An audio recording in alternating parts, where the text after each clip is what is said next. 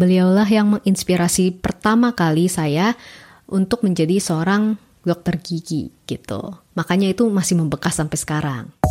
Selamat datang di CGI Podcast, Cerita Gigi Indonesia. Bersama saya Dr. Rara. Dan saya Dr. Joce. Yuk kita sama-sama dengerin tentang kehidupan dokter gigi dan kesehatan gigi di Indonesia.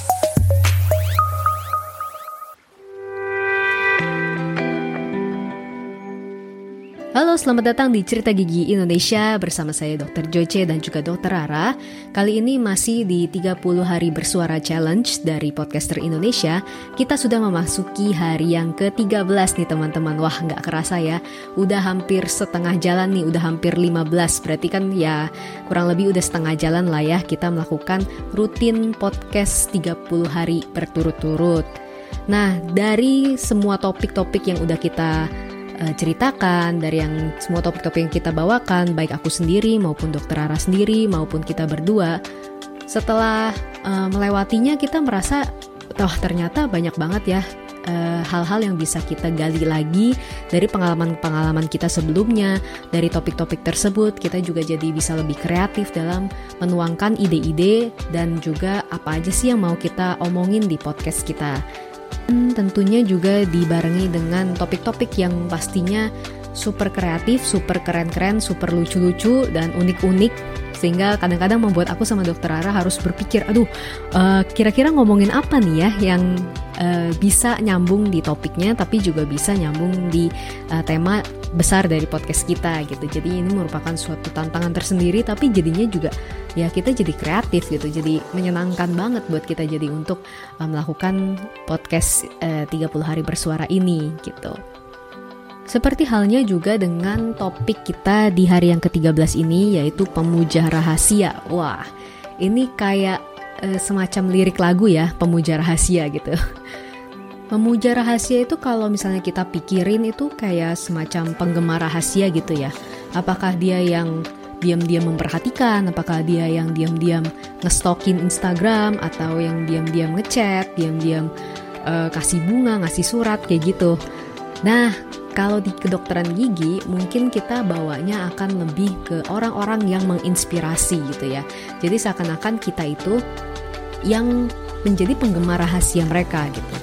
Jadi di dalam kedokteran gigi, di dalam karir dokter gigi saya dan dokter Rara tentunya juga banyak banget orang-orang yang udah menginspirasi kita. Menginspirasi dalam hal pekerjaan, dalam hal profesionalisme, dalam hal pokoknya banyak banget. Nah kita juga mau sharing nih secara bergantian nantinya mulai dari saya dulu nih. Kira-kira sosok seperti siapakah yang menginspirasi seorang dokter Joce ini untuk akhirnya mengambil kedokteran gigi gitu. Nah kalau aku pribadi, ceritanya adalah pada saat aku masih kecil. Waduh, masih kecil banget nih. Udah tertarik sama dokter gigi.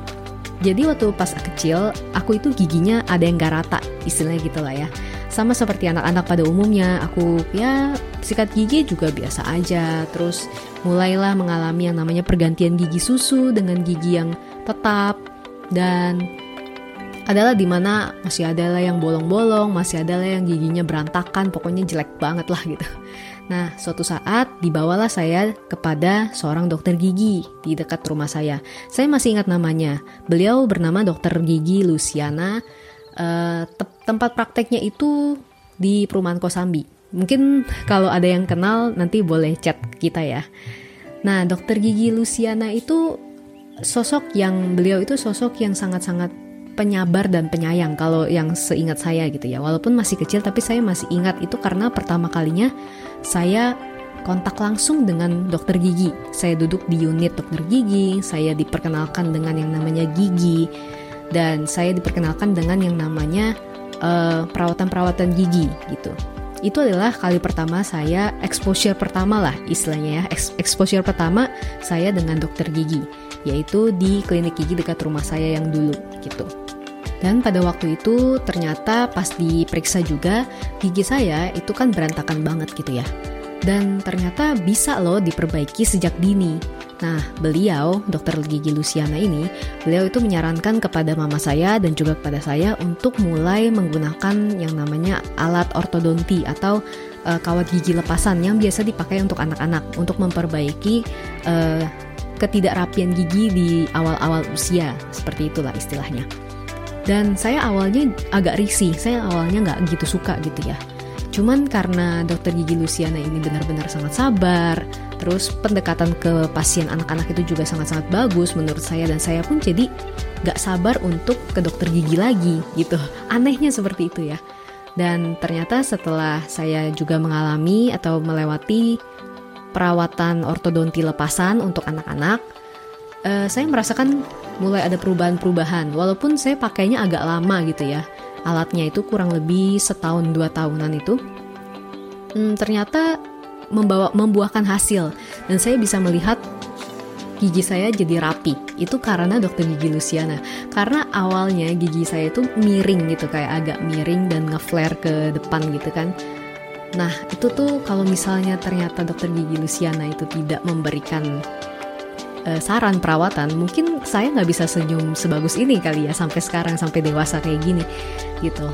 Pede banget ya senyumnya bagus, tapi uh, banyak orang yang bilang seperti itu. Jadi ini thank to dentist ya. Jadi terima kasih buat uh, dokter gigi pertama saya dalam hidup saya yaitu dokter gigi Luciana Beliau itulah yang menanamkan juga kepada saya pentingnya menjaga kebersihan gigi.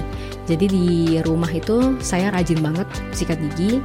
Uh, tentunya juga dibantu sama orang tua saya yang memang juga uh, ngajarinnya benar gitu ya, ngajarin sikat gigi yang benar, ngajarin kapan harus sikat gigi yang benar.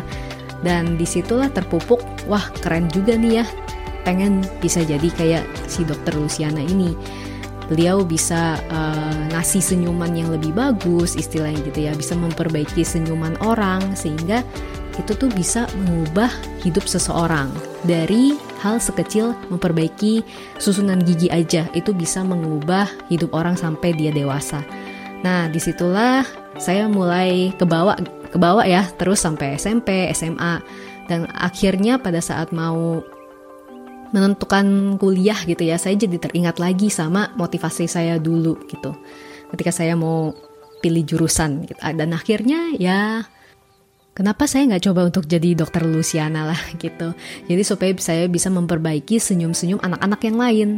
Ya itu kurang lebih cerita singkatnya kenapa saya terinspirasi dari seorang dokter gigi yaitu dokter gigi saya dokter Lucy yang mungkin dokter Lucy juga sudah Eh, nggak uh, kenal saya ya udah lama banget soalnya kan saya pindah rumah segala macam tapi ya bisa dibilang beliaulah yang menginspirasi pertama kali saya untuk menjadi seorang dokter gigi gitu makanya itu masih membekas sampai sekarang Nah selanjutnya nih kita akan dengarkan cerita versinya dokter Rara Sebenarnya seorang dokter Rara ini terinspirasi pertama kali sama siapa sih itu dalam karir dokter giginya.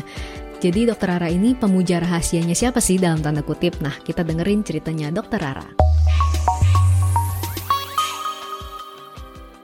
Halo semua, dokter Rara di sini menyapa kalian semua.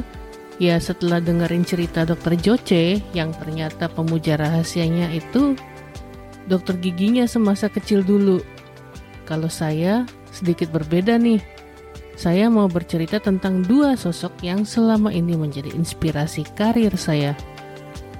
Seperti ada kata pepatah bahasa Inggris mengatakan bahwa a daughter's first love is her dad. Maka pujian pertama saya yaitu jatuh pada almarhum papa saya. Almarhum papa adalah seorang dokter tentara yang ahli bedah umum dan bedah tulang semasa hidupnya dulu. Waktu saya kecil, saya sering diajak beliau untuk ikutan ke rumah sakit. Terkadang bantuin praktek kalau di rumah ya.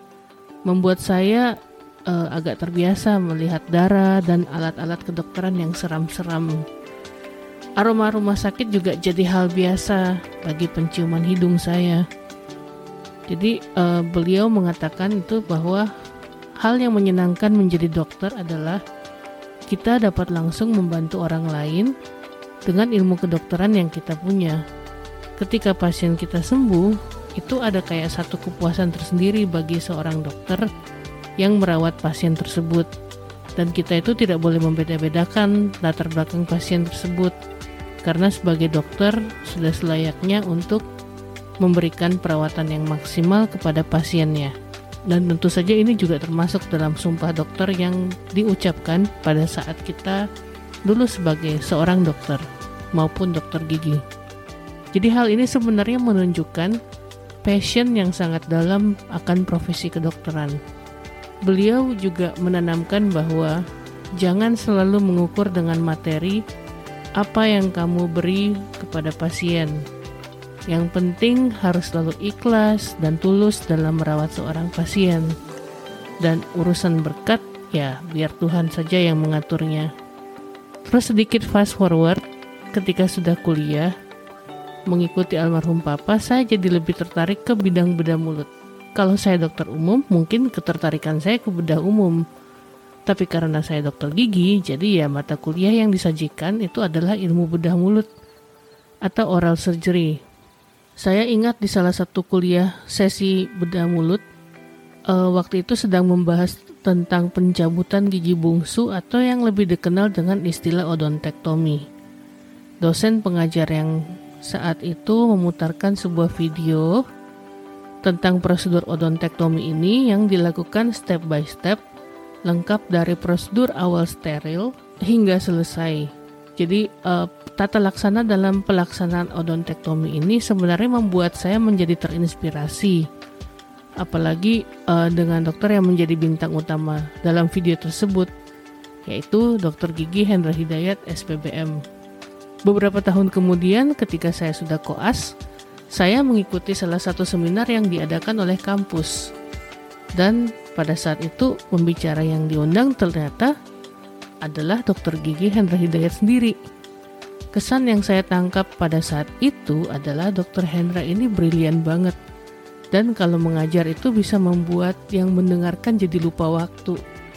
Padahal materi yang dibawakan itu sebenarnya cukup berat. Sejak seminar itu saya jadi punya impian ingin kerja bareng dengan Dr. Hendra Hidayat dan belajar langsung dari beliau. Tak disangka kesempatan itu datang ketika saya sudah menjadi dokter gigi. Ketika lagi PTT dan saya melihat iklan kursus implan gigi yang dibawakan oleh Dr. Gigi Hendra Hidayat sendiri. Harganya memang tidak murah, tapi dengan berbekal insentif PTT yang cukup tinggi, saya sebenarnya cukup nekat untuk ikutan kursus implan gigi.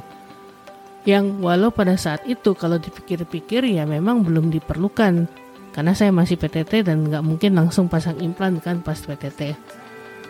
Itu, tapi ya whatever it takes kita coba aja jadi saya menggunakan kesempatan yang kebetulan saya punya untuk ikutan dan kursus implan tersebut sebenarnya yang membawa akhirnya saya bertemu langsung dengan dokter gigi Hendra Hidayat.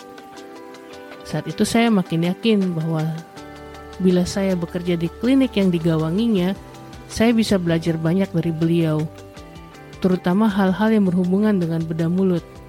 Singkat cerita, tanpa disangka, ternyata sekarang saya sendiri pun bekerja di klinik yang saya cita-citakan ini sempat belajar banyak langsung dari beliau sendiri Dr. Hendra Hidayat.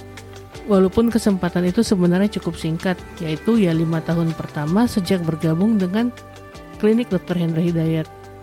Lima tahun itu sebenarnya sangat berharga. Kenapa hanya lima tahun? Karena setelah itu beliau sempat mengalami satu kondisi di mana beliau harus pensiun dari pekerjaan yang selama ini dilakukan lima tahun tersebut betul-betul berharga karena sangat memberi banyak insight untuk melakukan perawatan gigi kepada pasien-pasien saya. Jadi begitulah cerita saya dan cerita Dr. Jocha sebelumnya tentang idola atau pujaan kami masing-masing yang kemudian sebenarnya berpengaruh pada karir kami sebagai dokter gigi. Semoga teman-teman yang mendengarkan juga punya pujaan atau idola yang dapat memberikan inspirasi positif untuk kehidupan teman-teman sekalian, baik di kuliahan maupun pada saat sudah bekerja. Jadi, siapa pujaan kamu nih? Sekian dulu dari saya di episode ini. Saya Dr. Rara undur diri dulu. Terima kasih sudah mendengarkan podcast Cerita Gigi Indonesia ini. Bila ada masukan, saran, pertanyaan, atau kritik atau apa saja, Teman-teman seperti biasa dapat mengirimkan DM di Instagram kami at ceritagigi.id juga bisa follow saya di Instagram at rara79 dan Instagram Dr. Joce di at Jocelyn Sintano. Sampai jumpa di episode selanjutnya ya. Bye.